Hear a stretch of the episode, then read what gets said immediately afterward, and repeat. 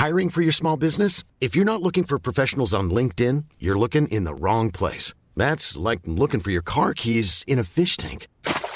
LinkedIn helps you hire professionals you can't find anywhere else, even those who aren't actively searching for a new job but might be open to the perfect role. In a given month, over 70% of LinkedIn users don't even visit other leading job sites. So start looking in the right place. With LinkedIn, you can hire professionals like a professional. Post your free job on linkedin.com slash people today.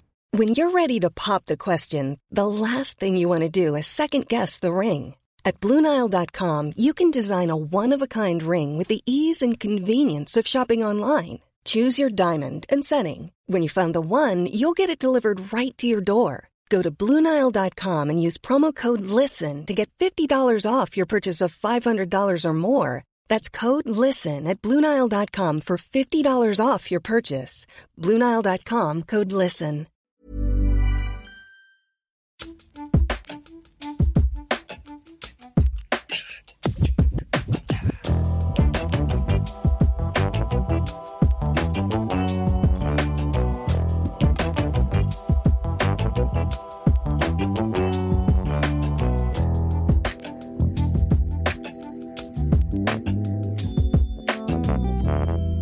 Britta, vi har ju många arbetsskador, tänker jag, i våra jobb. Ja. Som gör att det blir ett speciellt filter när vi själva ser på TV eller ser produktioner. ja. Tänker inte du på det? Ser trådarna jobba? Nej, men du menar som typ en flyttgubbe eller gumma skulle så här, när, se när folk lyfter med ryggen istället för bena och bara app, app, app, app. Alltså så här, man har lite konstruktiv kritik. Men jag, alltså vad fan vad sjukt att du säger det, för Ja. jag sa det till Kalle senast häromdagen när vi kollade på den här filmen som heter, jo, eh, Disneys, alltså senaste Pixar-filmen, Soul. Soul. Så. Vi satt och kollade på den Ja. och så är det som att jag bara, filmen börjar först efter typ en timme. Mm. Mm. Man, dramaturgi, man är känslig. Dramaturgin är jättekonstig där. Ja. Men alltså obs, inte helt osevärd, men ändå. Ja, Mm. mm. jag fattar vad du menar. Men på tal om arbetsskada, när man ser på TV och ser intervjuer och sådär, tänker man ju på alla frågor man själv hade ställt och programledarens jobb är ju mycket att spegla alla tittare. Tankar som kan komma upp i soffan hemma, saker man reagerar på som man önskar att programledaren skulle bara fånga upp. Mm. Och ibland sker det med precision, med Mm. expertis. Som när Tilde de Paula intervjuade Hasse Brontén. Hasse Brontén är där och har beklagat sig över alla inställda turnéer som komiker, givetvis. Eh, och Tilde försöker hitta en eh, ljuspunkt i allt detta. Och sen följer ett magiskt utbyte. Men du har fått vara pappaledig under hösten. Ja, Och fantastiskt. hur härligt har det varit? Ja, men det har varit underbart. Det har varit underbart. Jag har fått en släng av dåligt samvete att jag inte var det med min äldsta dotter. Så det jag Det ska med du henne. Ja. Det ska du ha! Alltså hon är, hon kan ju ta sig de här friheterna. Älskar Hon äger ju kanalen, Ja. Tilde de Paula. Men också att hon säger det glatt. Ja! Det ska du ha! Och det är yrkesskicklighet! Ja. Hon, hon riskerar inte den goda stämningen på TV4, Nej. men får ändå in en udd. Ja, ja. Det var magi tycker jag. Samma värme fyllde mig inte riktigt när Anna Hedenmo tog sig an Hanne Kjöller. Har du hört om detta? Eh, ja. Jag har hört om detta av dig lite grann. Ja. Men alltså, jag... eh, Om vi säger så här. Jag tittar på receptet. Eh, jag känner... Alltså du vet när man bara läser ett recept. Och så bara, oj, var det vinäger i också? Nej, då, nej tack, jag, nej det är inte för mig tror jag. Herregud. Så känner jag. Alltså, Hanne Kjöller får prata ut de sakerna tillsammans. Jag, jag kommer bara bli upprörd. Mm. Men nu ska du utsätta mig för det här.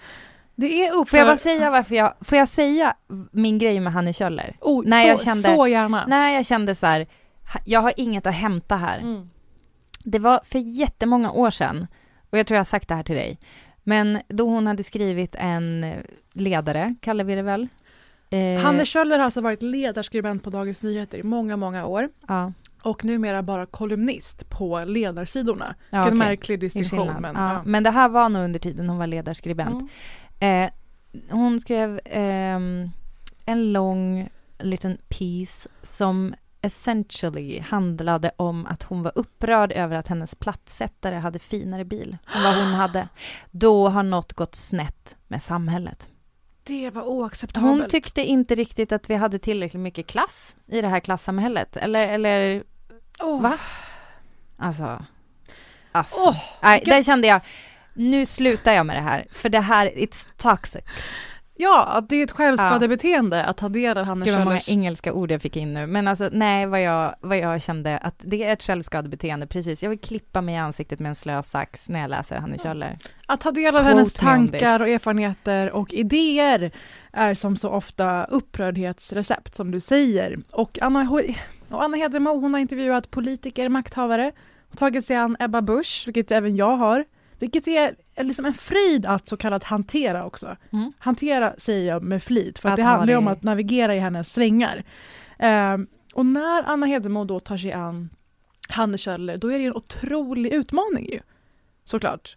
Jag vet inte om jag hade orkat med det. Men alltså du vet en människa där ing, som ingen rim och reson biter på. Det är det, eller hur? Så här, Hanne Kjöllers legacy som offentlig röst och skribent är ju både ja, men spetsiga som bäst, otroligt onyanserade och nedlåtande som sämst om allt ifrån långtidssjukskrivna, utsatta kvinnor, flyktingar. Där har vi hennes legacy i en mening. Eh, och det är alltså att specialisera sig på att sparka på redan utsatta. Mhm. DN kände, vem ringer vi då? Who you gonna call? Hanne Kjöller. Eh, och likaså i den här intervjun. Och eh, man märker att Anna Hedemo försöker bygga upp, först att måla upp att Hanne Kjöller verkar ha otroliga klasskomplex. Hon är uppvuxen i en rik villaförort där hon inte var en av de rikaste. Mm. Eh, Det är därför det sticker i ögonen med pla- platset. Ja, allt det här som är tydligt för oss som ser utifrån. Hon försöker måla upp att eh, Hanne Kjöller var själv med om en väldig kritikstorm som hon kallar drev, apropå min spaning om inflation i begreppet drev. Mm. Eh, hon försöker dra någon slags koppling mellan, men du är ju på folk och du har själv utsatts för det här nu. Kan du se att det är oproportionerligt ibland, hur Mm. mycket man är på folk? Mm. Nej, alltså hon är bara ogenomtränglig. Mm. Det går inte att penetrera in och självinsikt i Hanne Kjöller. Hon ger sig på sin värsta käpphäst, eller hjärtefråga i min mening, att hon ska hata på kvinnor som fött barn via kejsarsnitt. Ja, Det finns många skäl till att behöva göra det eller vilja göra det. verkligen. Ehm, Men och- de hatar hon. Absolut. Och kommer in på kostnad, men jag tror inte att det är kostnad. Jag tror att det är det här grundläggande svaghets och människoföraktet. Och här får ju Anna Hedenmo nog, skulle jag vilja säga. Och att i detta läge avsätta operationspersonal, narkossköterskor som behövs på intensiven Jo, jo, men det för kejsarsnitt. Men, det om man är jätterädd för att föda på vanligt sätt. Ja, men då får man väl låta bli att skaffa barn. Men du är väldigt hård ibland.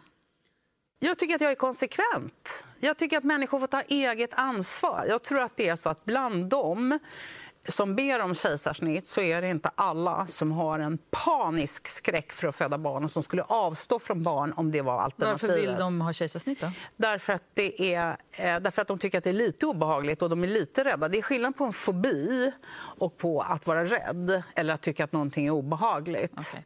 Det är ju ingen sjukvårdsbehandling, det är ju snarare att be om en, sjuk, om en, om en, om en operation som inte behövs. Jo, man ska inte den- få bröstplastik heller för att man vill ha större bröst. En tid efter att du fött din dotter så gick du igenom en fetmaoperation. Mm. Hur hamnade du där? Men det här blir lite krock i huvudet för mig, för Mm. du är så sträng annars. Men här är du... Absolut, alla ska få operation. Ja, alla ska få operation har jag Ja, inte men om sagt. man har riktig övervikt. Ja, men jag har ju för det första betalat min operation själv. Jag har gjort den privat på Sofiahemmet. Fast du förespråkar att offentligt ska betala. Med, med den vanliga Hanne Kjöller-retoriken så skulle man kunna säga så här.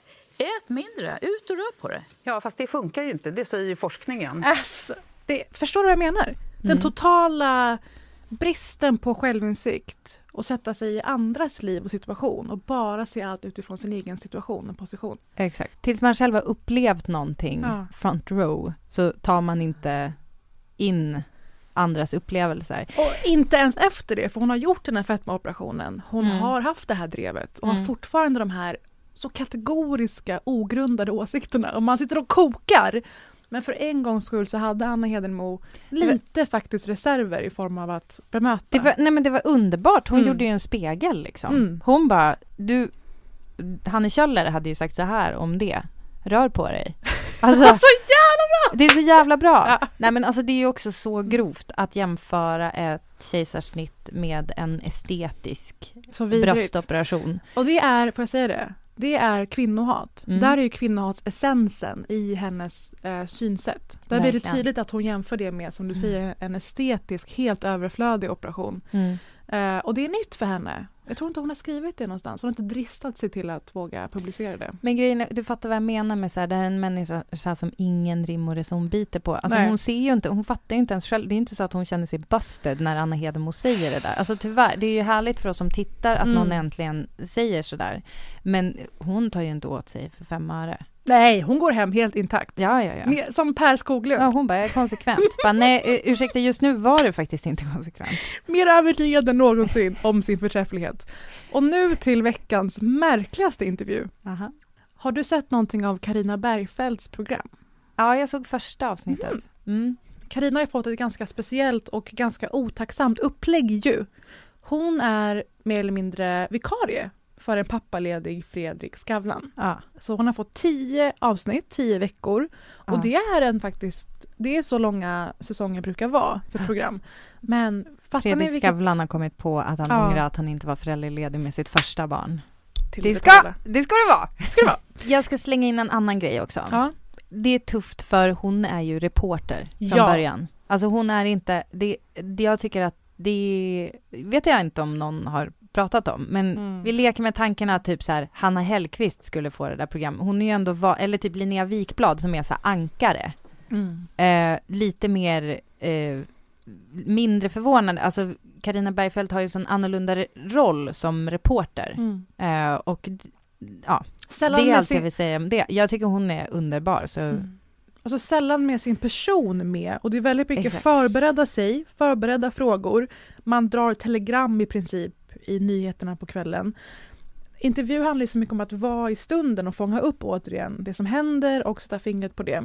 Det här är mer, mer eller mindre det här att ge en kvinna praoplats som en man, mm, som sin manliga kollega. mm. Och vi är tillbaka dit där SVT pratade om mångfald för kanske fem sex år sedan. Till att kvinnor har för liten andel av primetime-kakan. Mhm. Förstår du hur tragiskt det är? Mm. Vi är tillbaka på den rutan som vi nog var igenom på så här 70-80-talet. Mm. Eh, så jag tycker det är lite synd från SVTs håll och tufft för Karina. Jag vill bara poängtera det. Att det, Mm. det är ett snårigt läge för henne. Nej, Absolut. men du menar att hon, hon har fått lite orättvisa förutsättningar? Men då har de ändå som sagt lagt krut på fin scenografi, formspråk, egen trailer. Alltså, Det heter ju fin inte- sonografi har typ SVT aldrig gjort. Nu Ja. säger jag bara. Ja. Alltså varför är alla studior så fula? Så fula. Eller inte bara SVT, alltså så här, tv-program generellt, vad lider ni av? Är liksom anlita en, en människa som typ kan inredning. Mm. Alltså det är helt sjukt.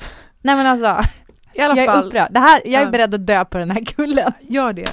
Men jag måste säga, för att att- varför jag tog upp att hon är reporter, eller Mm. att det är speciellt att sitta i en studio, det är inte för att jag vill säga att Karina Bergfeldt på något sätt är liksom dålig det hon gör, det är bara det att jag tror att det skulle passa henne bättre, för hon är underbar i intervjuer när hon träffar folk liksom där de är. Jag tror att det är det är en omställning Mm. att sitta i en studio och vara så här när folk kommer till henne. Jag tror att hon är så här, eh, så som vi känner henne, liksom Mm. eh, så här ute och klättra på tak med folk. Eh, och det är ju speciellt att sitta och intervjua kändisar Mm. med smink i en studio. Det är en märklig apparat. Det är en helt annan det är ett helt annat anspråk och energi. Som Mm. bäst är det när Karina är framåtlutad har nerv och har någon så S i rockärmen och har en viss oförutsäg och har en viss oförutsägbarhet över sig. Mm. Som sämst är det när hon kanske lite väl bara läser upp frågor.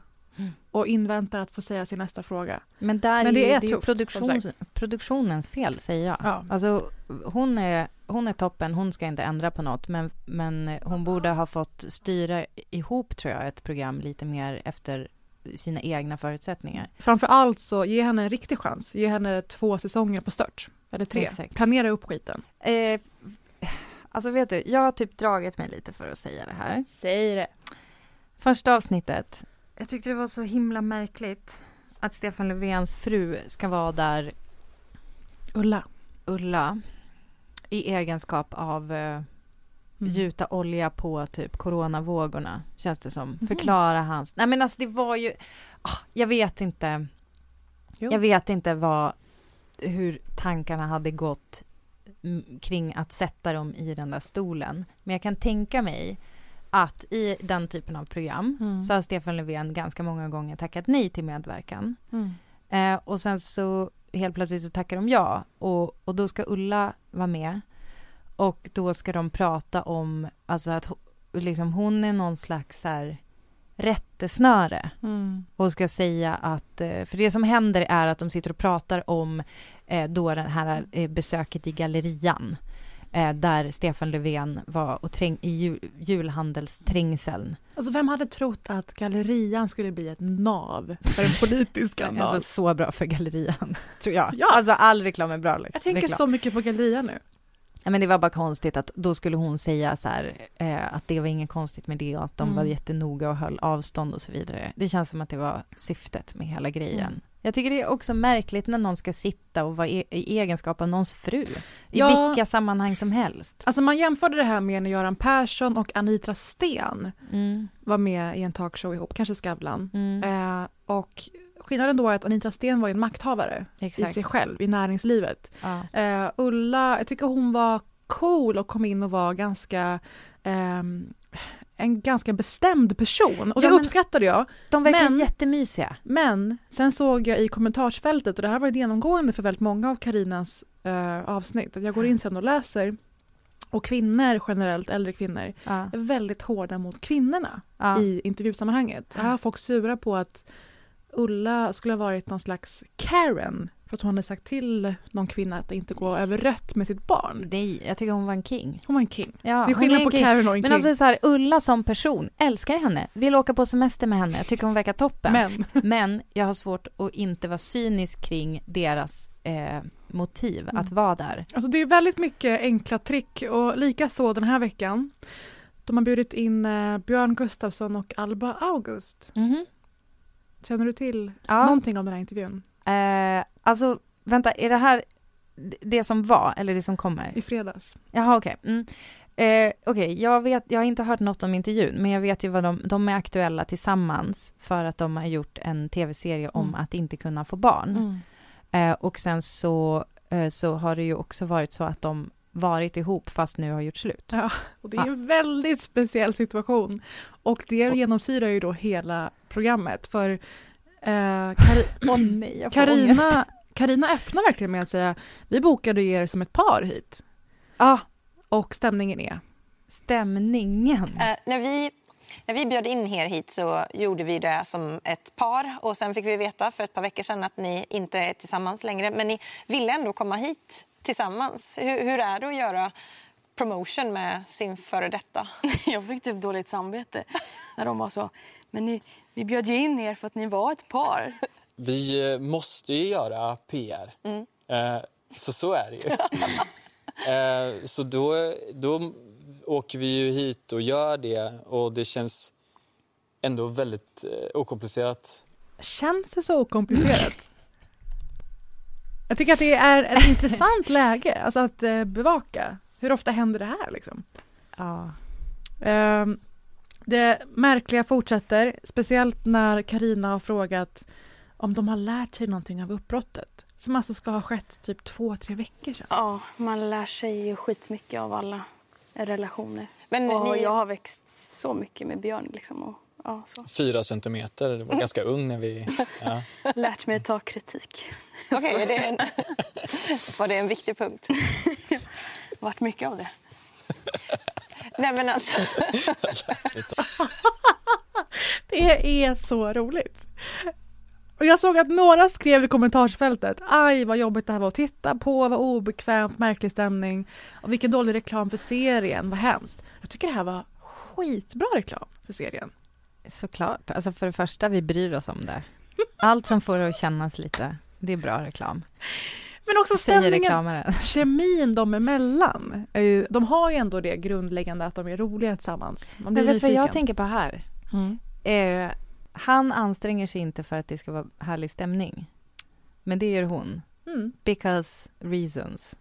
Men sen så är det så jävla skönt att hon ändå, lik Tilde de Paula, nu blir det en sån där röd tråd som det blir ibland fast det inte var meningen. Att pika till lite grann.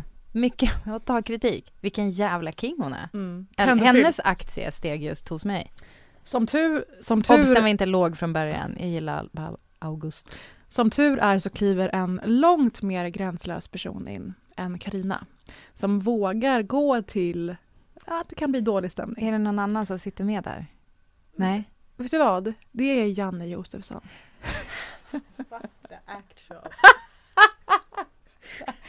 Vad ska hända nu? Vad ska hända nu? Så under Åh, hans intervju under hans intervju ska ju det här pliktskyldiga samspelet ske mellan olika gäster och sådär. Och i det snacket så kommer den här frågan. Det är jättemånga som har... Men är det inte på riktigt? Ska inte ni bli ihop igen? Alltså Alba August är...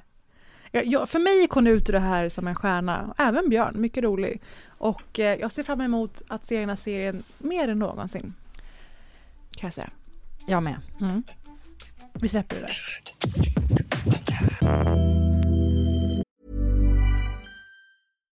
Ready to pop the question? The jewelers at BlueNile.com have got sparkle down to a science with beautiful lab grown diamonds worthy of your most brilliant moments. Their lab grown diamonds are independently graded and guaranteed identical to natural diamonds, and they're ready to ship to your door. Go to BlueNile.com and use promo code LISTEN to get $50 off your purchase of $500 or more. That's code LISTEN at BlueNile.com for $50 off. BlueNile.com code LISTEN. I'm Sandra, and I'm just the professional your small business was looking for. But you didn't hire me because you didn't use LinkedIn jobs. LinkedIn has professionals you can't find anywhere else, including those who aren't actively looking for a new job but might be open to the perfect role, like me. In a given month, over 70% of LinkedIn users don't visit other leading job sites. So if you're not looking on LinkedIn, you'll miss out on great candidates like Sandra. Start hiring professionals like a professional. Post your free job on linkedin.com/people today. Vill du prata Britney Spears? Om jag vill. Är du här för att prata Framing Britney Spears med mig? Jag har anlänt till den här studion för detta. Det som är lite tråkigt för dig kanske, det är att jag kommer absolut inte prata om det på ett sätt som eh, kanske hade varit själv- självklart. Nej men nu blir jag Jag intresserad. har några sidospår. Eller nej, det har jag inte. Det är inte sidospår. Men jag har så här grejer, associationsbanor, vägar som min hjärna har tagit under tiden jag har tittat på det här. Och alltså, en är en jävla bomb, vill jag bara säga. Men jag kommer inte börja med den. Nej, för det, det här var typiskt dramaturgiskt skickligt. Tack. Vi kommer lyssna. Brittany was so focused. This is a girl that's coming from strength. People became fascinated with her sort of unraveling. How we treated her was disgusting. She accepted the conservatorship was going to happen, but she didn't want her father to be a conservative. Anytime there's that amount of money to be made, you have to question the motives of everyone. Why is her dad making all of her decisions? Why is she still in this? What do we want? Free Britney! Framing Britney Spears är New York Times-dokumentären. Den finns på C More, det är Hulu som har producerat den tror jag. Eh, och det, det är en dokumentär som kretsar nästan uteslutande kring det här eh, liksom konservatorskapet, Mm. kan vi säga så på svenska? Alltså jag ska säga också att det är en eh, dokumentär Förmyndarskapet, förlåt. av hur man vet att det här är en New York Times dokumentär. För det är inte deras eh, största gren om man säger så, utan det är ändå dagstidning. Det är att det börjar med en ordboksdefinition. Så jävla pretentiöst. I deras väldigt kända font. Just det. Så fyller det upp så en hel ruta, conservatorship Ja. och vad det betyder. Definition från Merriam-Webster. Och då, Ja. då hajade jag till, skrattade hemma i soffan. Mm. Men vad är det? Förmyndarskap. Bara, vilka anala jävla pompösa. Ja. ja förmyndarskap, precis. Eh, så Britney Spears har själv inte kontroll över sin förmögenhet eh, och också väldigt lite annat kan man Mm. väl säga som hon gör. Eh, vilket har lett till hela rörelsen med liksom hashtag Free Britney Spears. Mm. Som vi har berört innan, ska jag bara säga. Jag behöver väl inte dra historien egentligen, men för att vi inte ska tappa någon som typ inte har någon aning så kan jag bara säga så här. Britney Spears är Britney Spears, som du kanske vet. Hennes farsa, alltså när hon började liksom eh, balla ur lite, eller egentligen så här, tidigare än så, så kan man ju fatta att runt en sån person så Mm. finns det en sån enorm apparat där det inte bara hon som tjänar pengar, utan det är också typ hennes familj tjänar pengar på det här och eh, farsan har i alla fall idag kontroll över Britneys förmögenhet. Något förminskad sen förra året. För att Ja. han har någon slags hälsoproblem och de har ju väldigt mycket eh, bråk, osämja sinsemellan och det är på grund av honom delvis som hon inte får träffa sina barn så mycket. Som Ja. hon har med Kevin Federline. Exakt. Mm. Och i den här dokumentären, vad ska man säga, lite så här viktiga händelser kan man väl säga att det är eh, först en ganska, man får följa så här den här blyga tjejen som blommar ut på scenen, eh, som blir jättekänd, eh, börjar dejta Justin Timberlake, eh, sen och ska liksom hålla på att hon är oskuld och Mm. det är liksom en sån så här gullig America's sweetheart-tjej. Eh, som både är oskuld men också jättesexig. I alltså en intervju är det bland annat en snubbe som, fr- som kommenterar hennes bröst rakt av. Everyone's talking about it. Why? Well, your breasts. Det är så fruktansvärt ofräsch stämning kring det här. Och sen, så att man fattar ju på något sätt att hon snappar. Eh, alltså, Alltså för mig är det inte att hon snappar, för jag tänkte på det att så mycket fortfarande kring 2007 i medier kring den här dokumentären Ja. är att hon fick ett nervous breakdown, meltdown och jag vänder mig mot det. Ja. Jag ser det som att det var en del av hennes förlösning. Precis, att hon bröt jag vill- sig loss liksom. Ja, precis. När Mm. jag säger snappar så menar jag inte det, utan jag menar Du så här, menar- jag menar typ, de har ju en ganska viktig dramaturgisk grej med, Mm. som jag undrar är, om det är liksom jätteberäknande av New York Times, att de har att, ett litet klipp där hon säger eh, det verkar vara hemmafilmat av Kevin Mm. och att hon bara, I feel, typ, I feel like I've been missing out. Han bara, vadå? On life, Det säger klart, hon. ja. Och det är sån jävla så här vändning som händer då. Att för att, bara, att hon började dejta honom, han var väl inte så här eh, på Justin Timberlake-nivå. Mm. Eh, men det kändes som att det var att Britney så här gick sin egen väg. Mm. Och eh, sen så när hon, absolut, alltså du vet, att titta på den här dokumentären, jag, jag har liksom en enda känsla och det är klaustrofobi. Alltså jag, Mm. får så, jag får andnöd av, hon har fotografer uppe i röven Mm. 24-7. Ska hon åka ut med, och det är ju mycket med också där paparazzi Mm. själv berättar att så här, vi fick ett tips, alltså man kunde sälja bilder på henne för en miljon för en bild. Alltså Mm. det är klart att folk är uppe i hennes röv Så konstant. Diana-grejen all over again, att man bygger upp en kvinna och river ner henne och man tjänar på båda ändar av den medielogiken. Ja, funny you should say that. Mm. Jag kommer Jaha. komma till det. Är det sånt? Och jag vill säga en sak som jag tänker på med det här då. Uh, jag håller med dig om att är det ett så jävla nervous breakdown, alltså det känns som att på många sätt, nu har ju inte jag inblick i hennes uh, privatliv alls, men Mm. utifrån det vi kan se, alltså vad är det värsta hon gör, eh, är ju typ att hon så här går runt med ett paraply och vevar lite. Det är liksom inte ens, det, det är knappt våldsamt om man, tänk, om man ställer det i relation till det hon är med om. Alltså folk börjar ju slåss runt omkring Mm. henne för att fotograferna börjar slåss med varandra Mm. liksom. Alltså för mig är det lite som att eh, om någon trakasserar dig Ja. jättemycket, dag ut och dag in, jättelänge, Ja. Att du till slut flippar på det beteendet du, du är Ja. med om. Ja. Att det, det här är den här skuldbördegrejen. Exakt. Att då är du galen. Ja. Snarare än att du reagerar på att någon är vidrig mot dig. För det hon gör är att hon tröttnar på folks skit. Exakt. Och en sak som jag vill säga apropå folks skit som är kanske ett litet sidospår här, men det är ändå, det är ytterst relevant också. Eh, för att det är en person som jag tycker vi borde prata om lite grann i det här sammanhanget och det är Justin Timberlake. Justin Timberlake har nämligen kommit med en ursäkt. Ja, för Justin Timberlake är en stor del av det här. Att när de blir tillsammans så blir det väldigt mycket medier kring det, mycket analys kring det. Och eh, när de gör slut, då gör han allt för att visa på att hon är smutsig, hon är att skylla för att det här har hänt. America's Sweethearts har brutit upp. Ja, gör en- framförallt gör han ju Cry Me a Ja. River-videon är ju en väldigt tydlig så här Britney Spears body double, Mm. typ. Som, eh, och den låten är ju extremt syrlig Mm. eh, i sig. Och eh, jag, jag köpte det. Alltså jag trodde att hon Ja. hade varit otrogen mot honom. Mhm. Inte för att jag brydde mig Jag så himla mycket, men ja, nej men alltså, ja, eh, alltså, nej men du vet, jag, det var inte så att jag så här läste på om Mm. det, men så här, man bara jaha, det har hon gjort, typ. Men så ska man säga också att USA är så skenheligt. Att alla vill ju att hon ska vara den här oskuldsfulla, snälla, mjuka tjejen bara och aldrig Mm. växa upp. Så det han gjorde var att han accelererade kvinnohatet mot henne och själv tjänade på det. Han Verkligen. tjänade på att trycka ner henne. Ja. Mm. Och nu så ber ju då Justin Timberlake om ursäkt. Eh, Grammy River. Ja, exakt.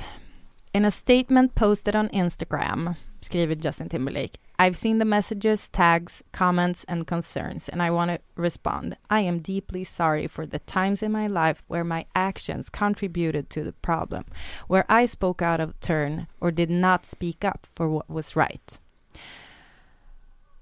Eh, och eh, till det här har jag bara en sak att säga Parisa, vet du vad det är? Ja, det är det nya formatet Too little too late. Mm. Justin Timberlake, hade du möjlighet att be om ursäkt tidigare? Mm. Visste du vad du gjorde? Mm. Hade du... Och i den här ursäkten så bakar han ju också in en ursäkt till Janet Jackson. Mm. Slängde med. Och det här har jag faktiskt velat ta upp, eller har jag tagit upp det tidigare Nej. i podden? Nej. Därför att eh, våra favoriter i podden Still Processing, däribland Wesley Morris, som är så... kan, kan, han är så jävla bra i Britney Älskar. Spears-dokumentären. Mm. Men det jag tänker citera honom på, det är när han pratar om Janet Jackson och vad som hände under Super Bowl-uppträdandet där Justin Timberlake drar av hennes eh, BL-topp så att han blottar hennes bröst. Hon fick ta skiten för det. Mm. Varför då? Helt otroligt. Hmm, kan det vara för att det är en svart kvinna? Kan det ha med saken att göra? Och Justin Timberlake, som också, det är inte helt irrelevant också, konsekvent, alltså genom åren, Mm. alltså faktiskt approprierat på svart kultur, något så vansinnigt. Ingen ursäkt kommer då. Mm. Ingen ursäkt kommer några år senare, när han har mognat lite, fattar vad han gjort. Nej, det kommer när folk typ är, ser det här, får svart på vitt och liksom blir uppriktigt förbannade. Och vi är en annan Han ska- kulturell era nu, annan medvetenhet ju. Ja, exakt. Om han lät Britney Spears ta onödigt mycket skit för någonting som han gjorde där han hade kunnat eh, säga ifrån. Det gjorde han inte då. Okej, så kommer den här grejen med Janet då, några år senare. Kan du göra det då? Nej, Justin Timberlake. Det kommer först när du, inte vet jag, är så här en familjefarsa och typ lite vill vara lite seriös typ. Och så ska jag så här, Jessica Biel posta typ I love you på Instagram så här, åh, su- supportive wife. Mhm. Det, jag, jag, eh, jag blir riktigt upprörd över det här. Mm. Och jag tycker att eh, han också, jag tycker att Janet Jackson också förtjänar liksom en, en separat ursäkt. Alltså Mm. förstår du? Jag tycker att det är så, det är som igen vidrigt mot henne. Dels hade han ju kunnat 2007 när det brakade loss tagit strid för henne, försvarat henne, krävt att personer i hennes närhet backar från henne. Ja, han Ehm, måste ju ha upplevt hur det är kring henne. Liksom. Ja. Han måste ju sitta på info som är... eh, Hur många som drivs av sina egna intressen och pengar kring henne snarare än hennes välmående.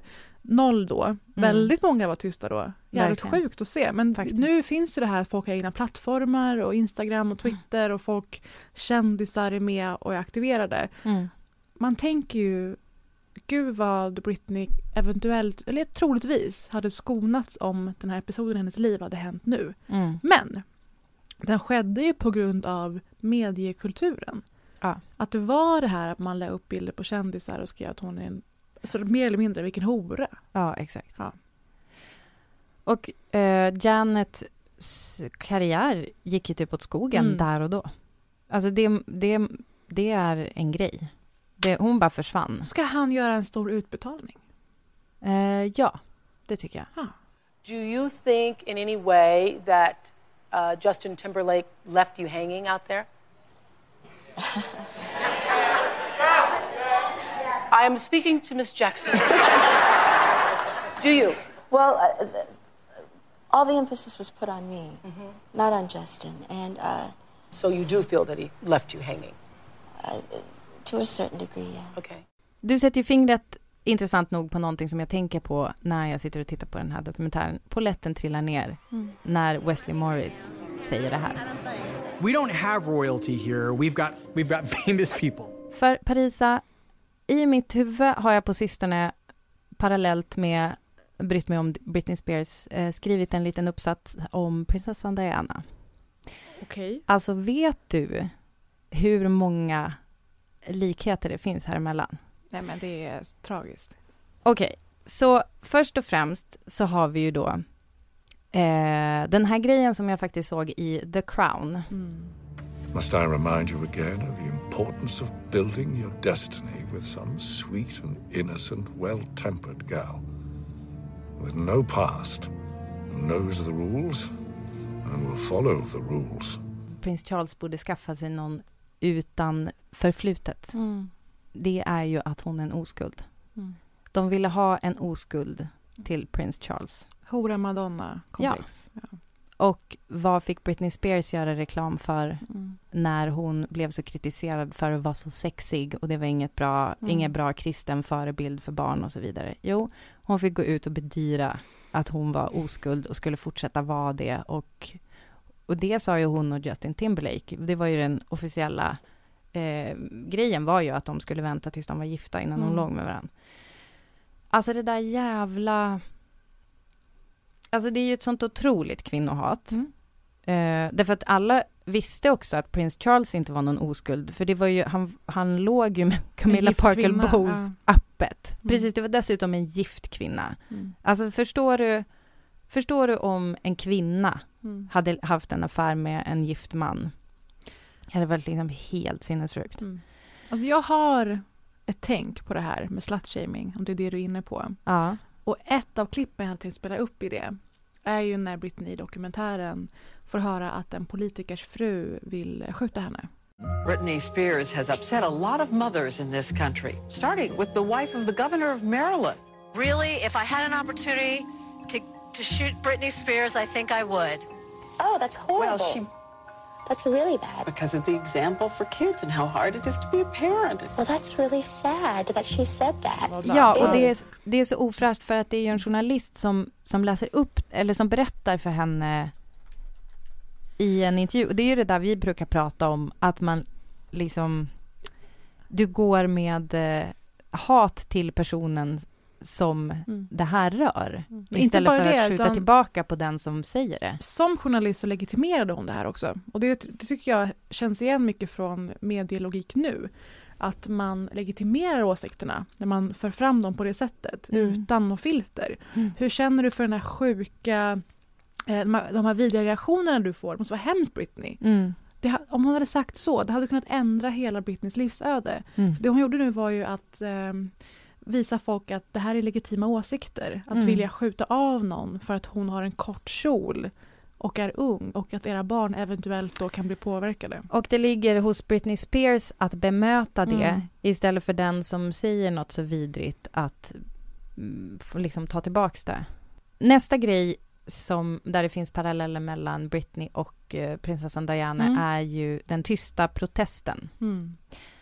Eh, Britney Spears famously rakade av sitt hår eh, för att säga att jag, jag är inte den där eh, lilla dockan som ni vill eh, lägga alla era Mm. värderingar på. Utan, Det är fan konst. Ja. Hur mer jag tänker på det. Ja. Ja. Och jag skäms retroaktivt för att jag inte fattade det uppenbara symboliken i det. Mm. Liksom. Och eh, Diana har, har, led ju av ätstörningar. Mm. Och det är ju också en sån där grej som... Det, det var väl det enda sättet hon kunde protestera på eller säga att någonting var fel. Mm. Eh, och det finns så fruktansvärt många... alltså det är så jävla mörkt, men jag har precis fått reda på att hon kastade sig ut för en trapp när hon var gravid. Mm. Det är så jävla mörkt. Alltså fatta att vara på det stället psykologiskt, för att det är också Um, hon gör en, en, del självmordsförsök faktiskt. Uh, men Mm. det, det här är ju det sättet som man kan liksom faktiskt skada barnet också på något sätt. Mm. Uh, alltså det är, så, det är så fruktansvärt mörkt. Men samtidigt um, så är det på något sätt den... Um, hur ska jag säga det här då? Alltså det finns många röster som har sagt att hon gjorde så, eh, vad ska man säga, så milda självmordsförsök. Alltså, det är ju aldrig milt. Ja, men det är ju aldrig milt, men det, det är ju ett, kanske mer ett rop på hjälp och, och, än vad det är att man faktiskt vill ta, ta sitt eget liv. Eh, och det är, alltså jag ser så himla tydligt de här två personerna som, som är så fångade i en apparat där de inte tillåts vara de Mm. som de är.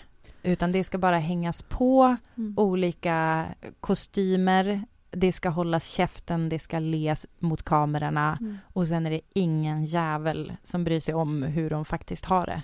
De är jävligt Alltså- ensamma. Ehm, nu kanske du undrar om jag kan ha något uh, Gloria Steinem-citat? Eh, jag satt precis och undrade. Hon har just ett eh, kapitel i den här My Life on the Road som är en bok som samlar mycket av hennes aktivism och sådär, feministisk legend. Och ett citat där är A pedestal is as much a prison as any small space. Och det ryms ju så mycket i det. Ja. Att en pedestal, att idoliseras och romantiseras på det sättet är en väldigt snävt, eh, ett väldigt snävt, väldigt otillåtande liv. Ja. Eh, och det är det man känner när man ser Britney och jag skriver ner även dokumentärerna Amy och Whitney som är två ikoner, Amy Winehouse och Whitney Houston som har gått ur tiden Mm. och haft eh, liv som har styrts väldigt mycket av andra. Levt med de här gamarna i skvallerpressen konstant över sig och som aldrig tilläts vara mer än en sak. Och när de blev en annan sak för folk, att de blev kanske folk som krisar eh, privat, har eh, dåliga relationer, då blev de bara den saken också. Mm. Bara trasiga. Mm. Ehm, så det är ofta endimensionellt ju. Mm. Och det är omöjligt att leva upp till. I Diana, jag tycker bara det här, det här är en side-note, men Mm. det är ändå en intressant. Att prins Charles hade ehm, lite så här, äh, han skämdes för hennes, han hade bildningskomplex Mm. När det kom till henne. Mm. Så han försökte hela tiden så utbilda henne med att hon skulle läsa Shakespeare och så Mm. vidare. Och, så här. Ehm, och sen när hon väl eh, hade någonting att, att säga, alltså det, ehm, då, blev han, då ville han ju inte ha det. Alltså jag menar, hon var ju superpopulär hos folket. Mm. Och det finns ett eh, fantastiskt eh, tal hon håller eh, i Wales, för hon var ju då prinsessa av Wales och Mm. håller det på walesiska. Och eh, hon är så lite blyg, alltså väldigt så här, liksom, hon kunde ju connecta med folket för att hon var, hon var inte en robot, hon var, hon var väldigt mycket människa och det finns en massa olika så här, vittnesmål om hur hon var den som, ja ah, men så här, gillar hänga med kökspersonalen för att det var ju så hon hade vuxit upp. Hon fick ju sitta och, och käka med kökspersonalen för att hennes farsa satt ensam vid ett gigantiskt bord i en matsal. Mm. Den typen av uppväxt hade hon. Och Charles blev ju då galen på att hon var mer populär Mm. än vad han var. Ja, fast det speglar ju också klassföraktet mot hans eget folk. Att om hon är omtyckt av dem, då måste ju hon vara smutsig på något sätt.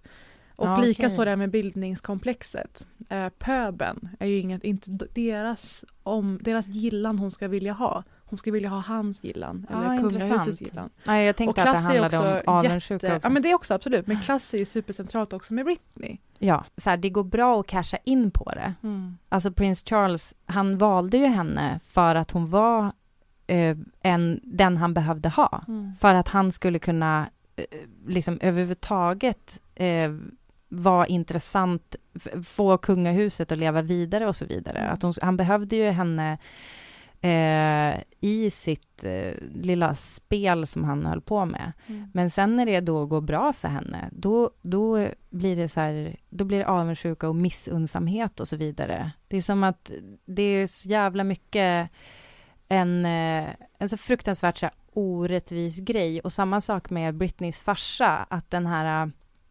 ehm, eh, sexiga eh, den, den, den rollen som Britney Spears blir tilldelad och Mm. spelar så himla bra, då är det också liksom att man ändå ser ner på det. Fast han skrattar hela vägen till banken på grund Mm. av det. Det finns någonting eh, så jävla deppigt i att de, de, det är som att de är marionettdockor som gör precis som handen som styr dem vill. Och sen så får de ändå skit för det.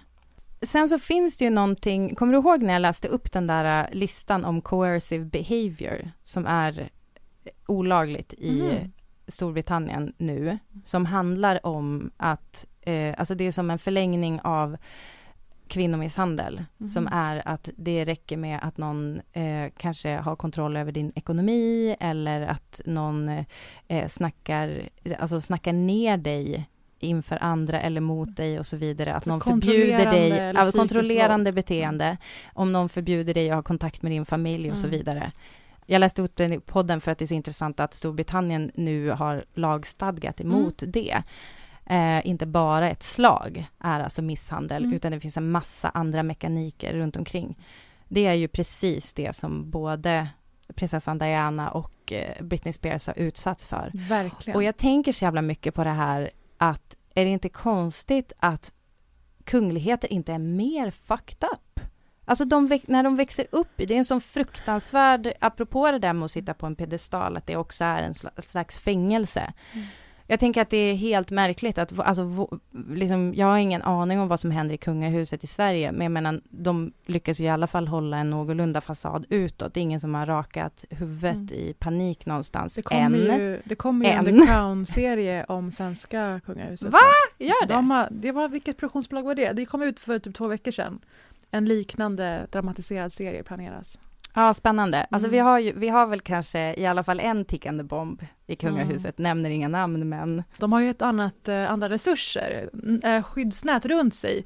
Stora mekanismer och hovet, folk som är anställda, anlitade för att polera och hålla ihop och kontrollera och du planera. menar kungahus generellt? Ja. Mm. Britney hade ju en väldigt dålig infrastruktur runt sig. Och Ja. Det är väldigt typiskt för kvinnor som går sina öden till mötes i offentligheten att de inte har, de är inte lika rustade som folk som kanske kommer från bättre förhållanden, bättre slash rikare familjer och eh, så vidare. Britney hade ju det här ganska ihåliga, eh, ja men dels familjen som inte funkade så bra runt henne.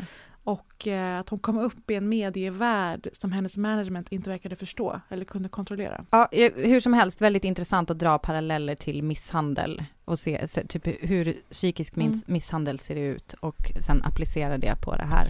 Alltså jag såg den här och tänkte väldigt mycket på dels mediestrukturen och det här med att medier bygger upp kvinnor och, och drar ner dem som Mm. en affärsidé. Och Ja. just kvinnohat som affärsidé och framgångskoncept det är ju ingenting som var för väldigt länge sedan. Eh, Maja Bredberg skrev ju en väldigt känd text eh, på Nöjesguiden. En av mina första texter jag tog in som redaktör. Otrolig skribent eh, som handlar om just Sofies mode. Jag heter därför Håll käften Sofie. Hon menar ju inte Sofie Farman men eh, effektfullt. Och eh, då var det just det här att man eh, tog ner kvinnor på ett sätt som var så här, nu har du lite låg urringning. Nu, Mm. Den där är du för fet för egentligen, den här klänningen. Mm. Sån stil var det. Typ Ja. 2012, 13. Eh, och det är ju först senare år som vi har det här nya medvetandet. Det måste man komma ihåg. Eh, så dels det. Och jag ser det här komma nu igen känner jag. Med poddar väldigt mycket. Instagramkonton väldigt mycket. Att man pratar om folk i offentligheten som feta, fula, vidriga, eh. Det pågår en mass. Och det finns såklart folk som tjänar pengar på det här genom sponsorer, reklam, annonsörer och sådär. Eh, så det tycker jag ser att det finns att det är på uppsving också faktiskt. Och jag har en spaning här. Att den nya slutshamingen, det är kopplat till den omöjliga förebilden.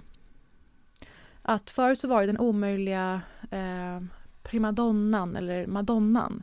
Man skulle vara upphöjd och en sångfågel som Whitney eller en helig oskuld som Britney. Eh, nu är det att man ska vara en komplett förebild. Om du säger fel begrepp för någonting en gång om du gör någonting som inte är helt i linje med dina värderingar enligt Mm. den här massan, då är det det du dras ner för. Mm. Så jag tycker att det är de nya Britney-offren. Ja. Jag tycker jag såg det hända med Linnea Claesson. Hon var inte exakt så som folk ville ha henne. Mm. Därför skulle man riva ner henne och då var all bets off. Mm. Och de som gjorde det tror att de gjorde det i feminismens intresse. Mm. Och kolla vad de själva gjorde sig sk- skyldiga till. De spädde på det.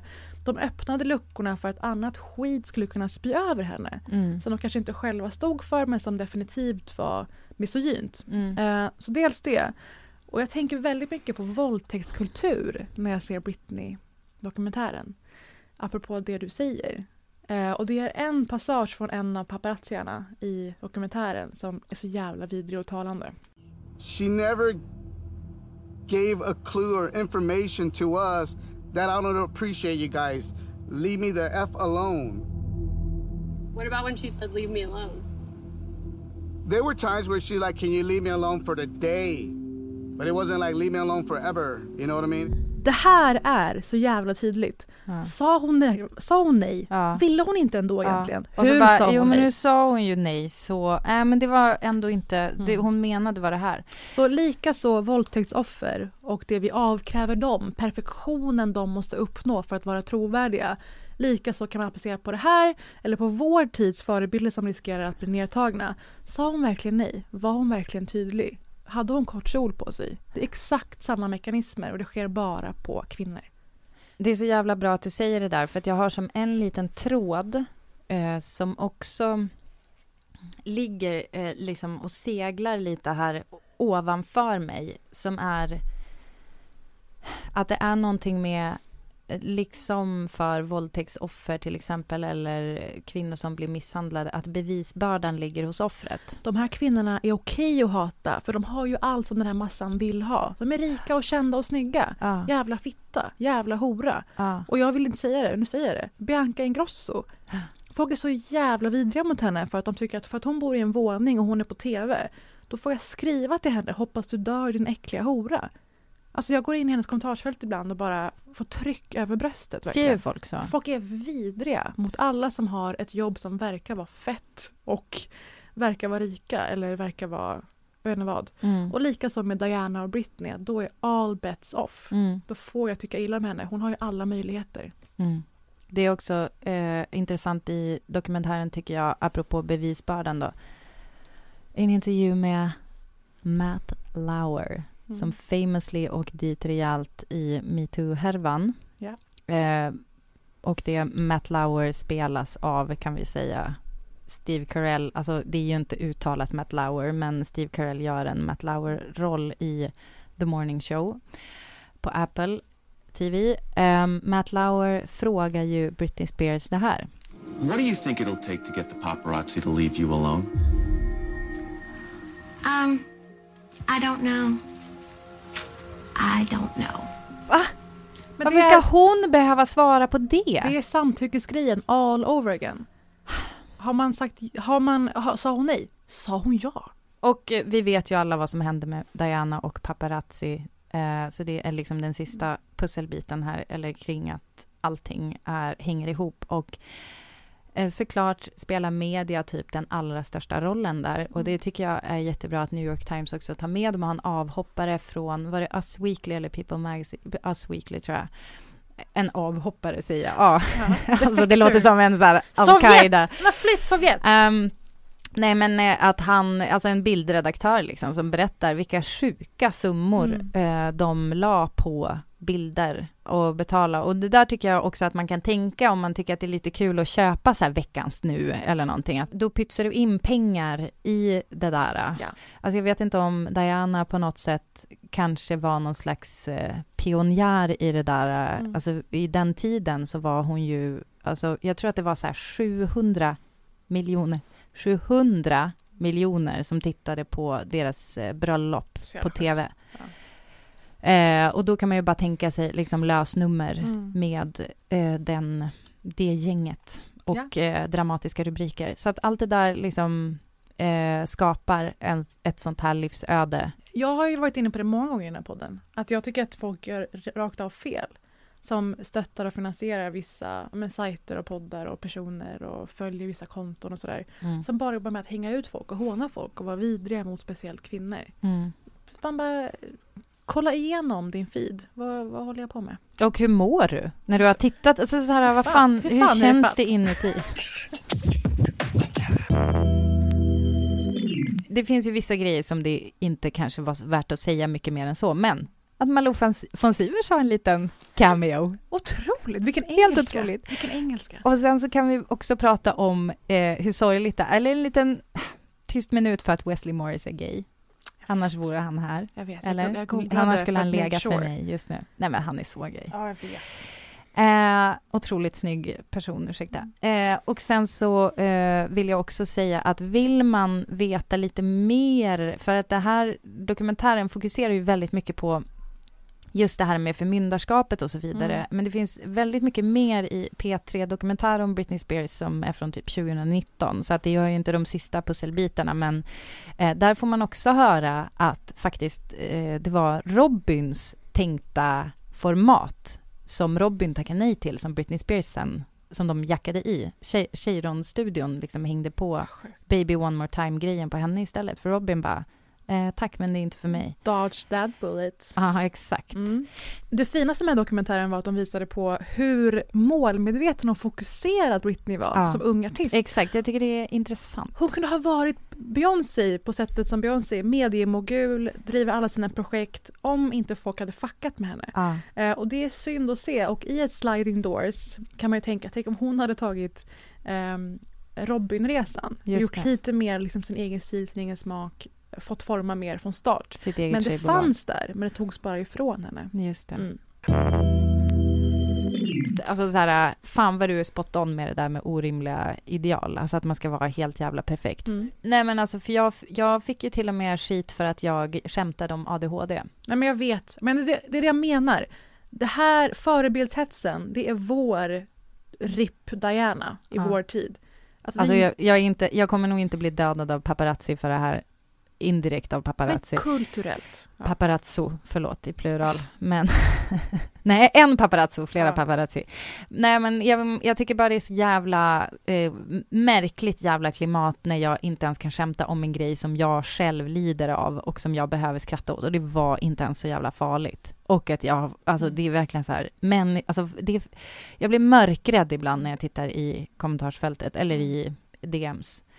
Så fan, skärp er. Ta en Men- macka innan ni skriver något på internet. Det ska jag veta. Eller alltså, det, ni det gör ju- är... Nej men ni gör ju inte det som lyssnar på det här det. men ni kan ju uppfostra andra människor i Ja. er närhet.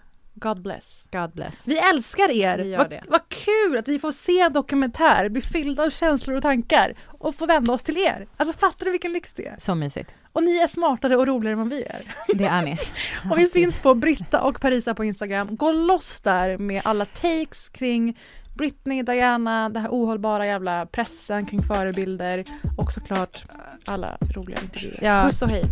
Puss.